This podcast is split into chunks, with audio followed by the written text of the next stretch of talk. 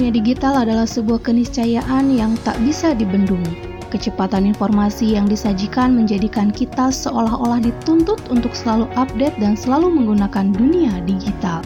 Tetapi, apakah pengetahuan tentang pemanfaatan dunia digital sebanding dengan kecepatan informasinya? Apakah generasi milenial dan masyarakat sadar dan mengetahui bagaimana memanfaatkan dunia digital dan bagaimana resikonya?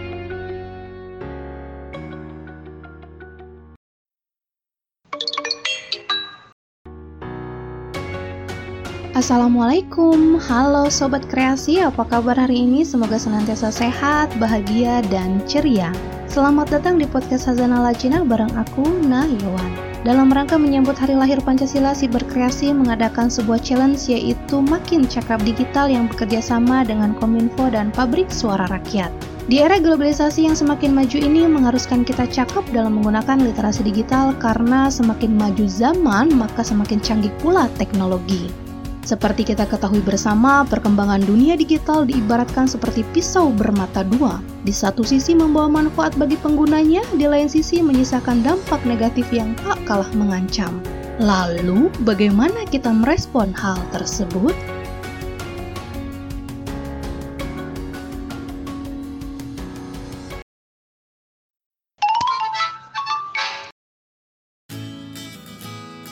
Kondisi negara Indonesia sudah sangat jauh berubah dari semenjak awal kemerdekaan.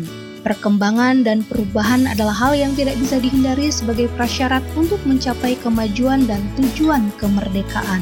Perkembangan teknologi yang begitu pesat telah mendatangkan manfaat sekaligus dampak buruk bagi masyarakat. Kemudahan, kecepatan, dan efektivitas merupakan gambaran umum dampak kemajuan teknologi.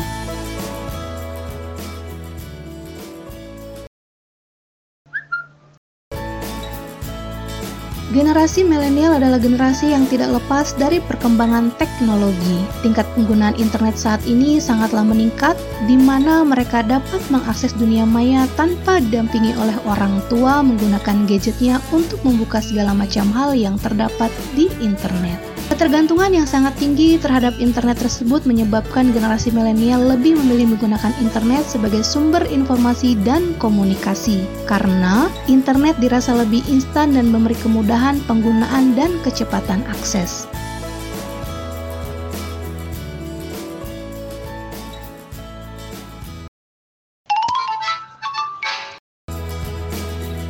Beberapa tahap interaksi sosial tersebut menjadi faktor yang berpengaruh pada tumbuh kembang generasi milenial.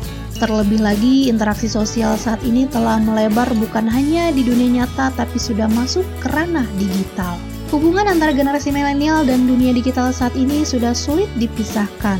Bermain secara online telah menggeser permainan tradisional. Dari kejadian tersebut telah terbukti bahwa Karakter milenial saat ini telah melanggar aturan dan nilai-nilai Pancasila. Oleh karena itu, di era globalisasi ini, peran Pancasila tentu sangat penting untuk tetap menjaga eksistensi kepribadian bangsa.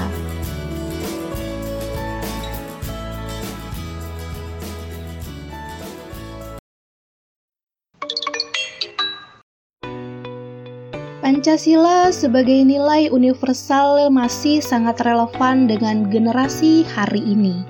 Pancasila hanya perlu terinternalisasi dengan baik ke setiap generasi yang ada, khususnya generasi milenial yang akan menjadi salah satu tokoh pergerakan kemajuan negara yang kita cintai.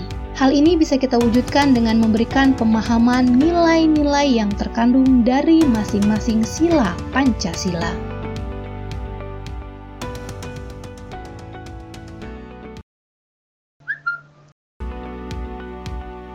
Nilai Pancasila yang pertama, ketuhanan, yaitu menghargai perbedaan agama dan kepercayaan dalam bermedia sosial akan menghantarkan kesedapan dalam kehidupan beragama.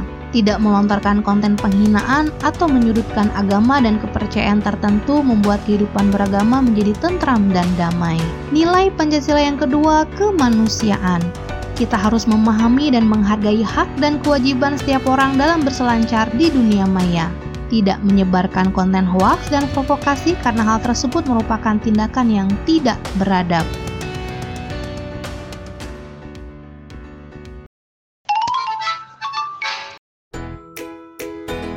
Nilai Pancasila yang ketiga persatuan di mana forum-forum dunia maya juga dapat dijadikan media untuk memperkuat semangat nasionalisme, memprioritaskan persatuan dan kesatuan bangsa di atas kepentingan golongan atau pribadi saat berdiskusi, selalu menjunjung tinggi Bhinneka Tunggal Ika dalam setiap perbedaan.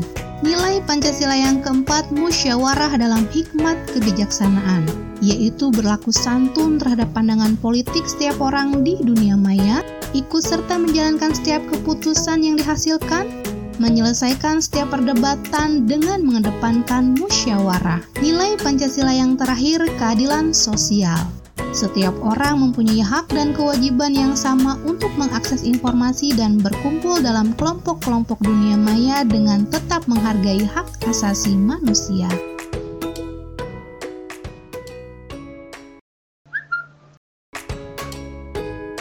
Oleh karena itu, di tengah krisis nasionalisme yang sedang melanda negeri ini, Pancasila adalah cahaya penuntun untuk mengenal kembali jati diri bangsa dan perkat untuk mempersatukan perbedaan.